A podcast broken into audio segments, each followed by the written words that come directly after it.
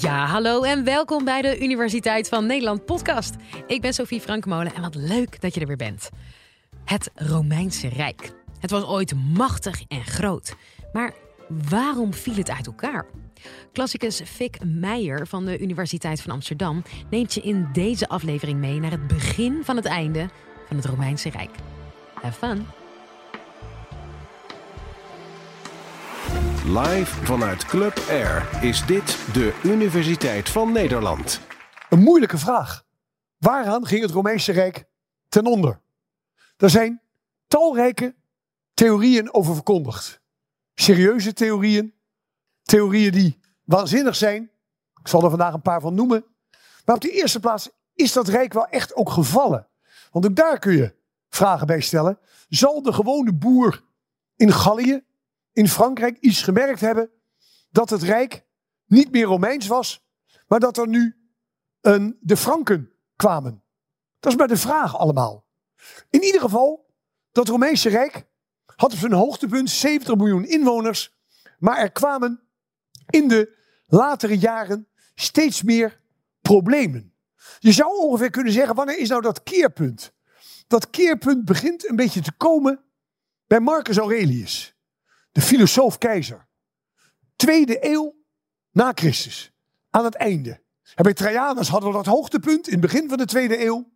Daarna komt Antoninus Pius, eerst Hadrianus, Antoninus Pius.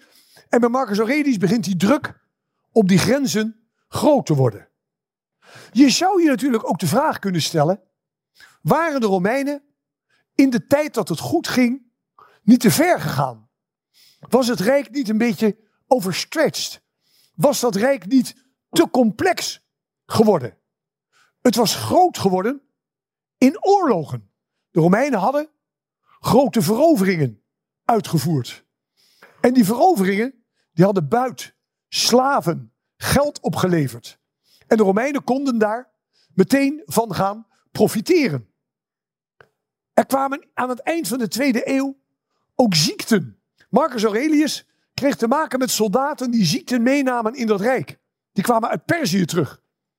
En die pestilenties worden in de bronnen vermeld. Dat er veel doden vielen. Niet gedetailleerd beschreven. Maar ik denk dat dat een belangrijke reden is. En dan krijg je een periode van steeds grotere onzekerheid. En mensen gaan zich afvragen dan, waaraan ging dat rijk dan echt te gronden? Ik ga eerst een paar theorieën opnoemen waarvan ik zeker weet dat ze niet juist zijn. En dat ligt niet aan mij, maar dat ligt aan, dat ligt aan de theorieën. Op de eerste plaats de theorie dat de Romeinen ten onder zouden gegaan aan loodvergiftiging. Er werd door mensen beweerd dat in de buizen, waardoor het water via de aquaducten werd aangevoerd over grote afstanden, dat daar lood kwam, dat lood kwam vrij, dat kwam in het water. Mensen dronken dat en zouden daar dan het slachtoffer zijn geworden. Die theorie kan nog niet, want in de tweede eeuw voor Christus waren er ook al heel veel van die aquaducten. En de mensen, het Rijk, ging toen alleen maar opwaarts. Dat geloof ik niet. Er is nog een waanzinnige theorie. En die is heel raar. Dat is dat de Romeinen dronken veel wijn. Nou, dat kan. Volgens de geleerden dronken ze 225 tot 275 liter onversneden wijn per jaar. Vrouwen, kinderen, oude vandaag, mannen, iedereen meegerekend. Dat is veel. Ik haal het belangen na niet. En in ieder geval, dat zou een reden zijn, want die wijn die werd vaak aangelengd in loden potten. Of potten met een soort loden binnenkant.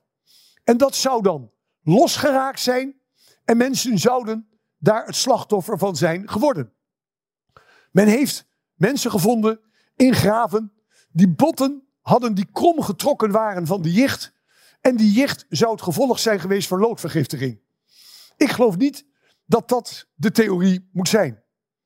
Ik geloof ook niet dat je een plotselinge klimaatverandering als reden moet aanvoeren. Want ook daar zijn geen harde aanwijzingen voor. Iets meer in de buurt komt de theorie dat het christendom een rol gespeeld kan hebben bij de teloorgang van het Rijk. Omdat de christenen werden op een zeker moment gedwongen om de goden te gaan aanbidden. Zij weigerden dat. En de goden zouden zich hebben afgekeerd van de Romeinen en zouden Rome hun zegen hebben ontzegd. Lijkt mij ook niet de juiste theorie. Hoewel je wel zou kunnen zeggen dat het christendom een rol gaat spelen in die verering van de goden. Ik denk dat we het moeten zoeken in een soort combinatie van interne en externe factoren. De interne factoren zijn dat er herhaaldelijk pestilenties kwamen. Dat er ziekten kwamen. Aanvankelijk meegebracht door soldaten, maar ze waren nooit volledig uitgewoekerd. Die ziekten kwamen, staken af en toe de kop weer op. Het gevolg was dat de bevolking afnam. 70 miljoen in de bloeitijd, 50 miljoen in de derde, vierde eeuw. Het gevolg was ook dat er akkers in Italië en elders in het Romeinse Rijk, dat die braak kwamen te liggen. Dat die niet voldoende meer werden bebouwd. Maar dat had weer zijn consequenties dat er minder belasting binnenkwam. Want die akkerbouwers in de provincies betaalden belastingen. En die belasting kon niet meer worden geïnd. En er was juist belastinggeld nodig, omdat er een enorme druk op de grenzen kwam. Waarom?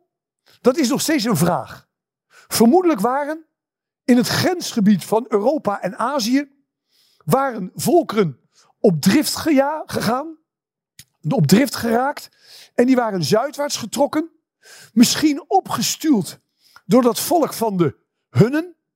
En vanaf de derde eeuw zie je aan de grenzen allerlei volkeren komen. Alanen, Alamannen, Visigoten, Ostrogoten. En die willen allemaal dat rijk binnen. De Romeinen willen dat aanvankelijk niet. En proberen die grenzen te verdedigen. Soldaten hadden tot dan toe een vrij prettig bestaan gehad. Ze hadden niet zoveel vijanden te zien gekregen. Maar nu, in de derde eeuw en ook daarna, wordt die druk allemaal groter en moeten die mensen steeds meer in actie komen.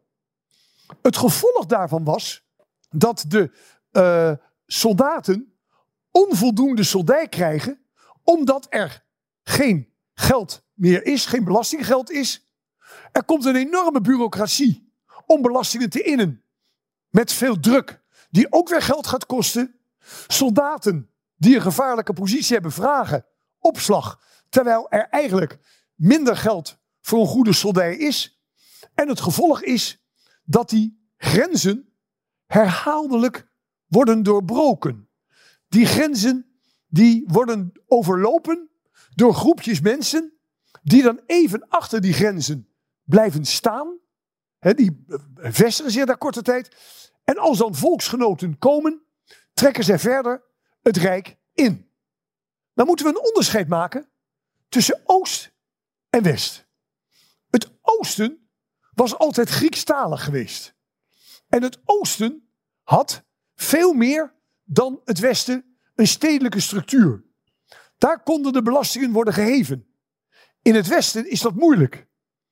En er komt ook nog het probleem bij dat die rijken worden in zekere zin gesplitst als in 393 meneer, of 395 meneer Theodosius sterft, de keizer, en het rijk nalaat aan zijn zoons Honorius in het westen, Arcadius in het oosten. En dan gaat het oosten gaat een goede toekomst tegemoet en het westen krijgt te maken met allerlei binnenvallende volkeren. Dat zijn de Visigoten, Ostrogoten, Alanen. En wat je ook moet zien, die Visigoten, die zie je dat die komen in het Oostelijk Rijk. Ze komen in Griekenland binnen, dat ligt in het oosten. En ze trekken dan helemaal door het Rijk. En ze nemen zelfs in 410 Rome in. Dat moet voor de Romeinen de grootste vernedering zijn geweest dat hun stad, die voor het laatst was ingenomen in plusminus 387 voor Christus, nu 410 na Christus, opnieuw wordt ingenomen. Dat was iets vreselijks. Rome wordt als hoofdstad ook steeds minder. Het verplaatst naar Ravenna. En in het oosten is Constantinopel de hoofdstad. Betekent dus dat het Romeinse Rijk in een enorme neergang gaat komen. En ik begon mijn verhaal met Rome. Rome had een opgang beleefd van een klein stadje aan de Tiber tot een enorme metropool van 1 miljoen inwoners. En wat zie je nou? Dat het inwoneraantal van Rome, dat gaat heel drastisch teruglopen. Je zou bijna kunnen zeggen dat Rome is symptomatisch voor de teruggang in het West-Romeinse Rijk. Het oosten Constantinopel gaat een groei beleven. Constantinopel groeit. Wordt het nieuwe Rome. En Rome zelf, Rome zelf gaat steeds minder inwoners krijgen. En rond het jaar 400 zijn er nog maar 100.000 mensen in Rome. Dan is Rome een stad geworden zoals er vele andere zijn. Een stad die niet meer bestand is tegen die enorme druk. En Rome zal later nog een keer worden ingenomen, zoals op dat kaartje ook te zien is. Rome zal worden ingenomen door de Vandalen. De Vandalen die nemen Rome in. In 455. Daar hebben de Fransen later de kreet vandalisme voor bedacht. De Vandalen die gekomen waren uit het noorden, door Spanje getrokken waren, zich gevestigd hadden in Noord-Afrika, in Carthago. En vandaar dan uitvallen deden naar Griekenland, waar ze werden teruggeslagen. En naar Rome, dat ze zelfs hebben ingenomen. Twee weken lang richten ze verwoestingen aan. En dat is dus het, het feit dat minder mensen, minder economische welvaart, het leidt allemaal tot een teruggang. Kunnen we nou zeggen dat er een jaartal is voor de val van het West-Romeinse Rijk? Kunnen we dat nou zeggen? Het oosten gaat door. Kunnen we dat nou zeggen? U leest in de geschiedenisboeken altijd, in 476 na Christus werd Odoaker, de leider van de Germanen in Italië, Germaanse huurlingen, legers, werden, die werd de koning van de Germanen in Italië. Dat wordt altijd als de, het einde van het Romeinse Rijk gezien. Maar is dat zo? Dat Romeinse Rijk was, zoals we gezien hebben, enorm groot. En in al die delen van dat Rijk is het einde van dat Rijk op een ander tijdstip gekomen. Hier in de lage landen, beneden de Rijn, kwam de, het einde al ergens in de derde eeuw. Elders weer op andere tijden. In Italië kwam het wellicht in die tijd, hoewel niet iedereen het erover eens is. Wat je wel kunt zeggen is dat dat oosten, dat gaat gewoon door. Het westen vervalt in allerlei Germaanse staten. De Ostrogoten komen in Italië, de Visigoten in Spanje, de Vandalen in Noord-Afrika. En die zorgen dan dat dat West-Romeinse Rijk volledig is verkruimeld. Die Oost-Romeinse keizers en de al in het vorige college genoemde Justinianus, die Justinianus wilde ooit dat rijk weer helemaal tot een eenheid maken. Hij ging naar Noord-Afrika, hij ging naar Italië, voerde daar oorlogen en won die ook. En toen het net leek in de zesde eeuw of hij het rijk weer behoorlijk herenigd had, Italië weer gevoegd had bij het Oost-Romeinse Rijk, toen kwamen de Langobarden binnen. De mannen met de Langobarden, die die ontwikkelingen weer teniet deden. Die Oost-Romeinen blijven zich altijd noemen hoi Romaioi, de Romeinen. Wij kennen ze als de Byzantijnse, als de Byzantijnen. Wij spreken van het Byzantijnse Rijk. Zij hadden, zeker in de eerste eeuwen, vooral de term Romaioi voor ogen. Maar uiteindelijk is dat rijk toch uiteengevallen. Wat blijkt er nou aan herinnering over aan dat Romeinse Rijk? Wat hebben we nou daaraan te danken?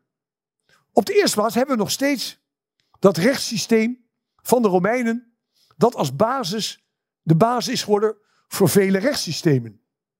We hebben natuurlijk ook die schitterende monumenten. Monumenten, tempels, sculpturen. Noem het allemaal maar op. We hebben natuurlijk de geschriften. De geschiedschrijving van Herodotus. Thucydides in Griekenland. Van later Tacitus in Rome. Die voor vele latere auteurs een inspiratiebron zijn geworden. We hebben ook de taal, die natuurlijk voortleeft. De Romaanse talen, Frans, Italiaans, Spaans, Roemeens, die allemaal van die, in zekere zin van het Latijn, zijn afgeleid. Rome leeft dus ook voort. En er zijn ook nog altijd mensen die ook altijd terug willen komen in die oude Romeinse tijd. Met alle gevaren die eraan verbonden zijn. Denk maar even aan Mussolini, die in 1922 de Mars op Rome organiseerde. De grote fascistenleider werd. De Eta Fascista, de fascistentijd invoerde. En zich wilde gaan gedragen als een Romeins keizer. Dat hoop ik dat mensen niet zullen doen. Ik hoop wel dat mensen van dat Romeinse Rijk ook het goede zich zullen herinneren.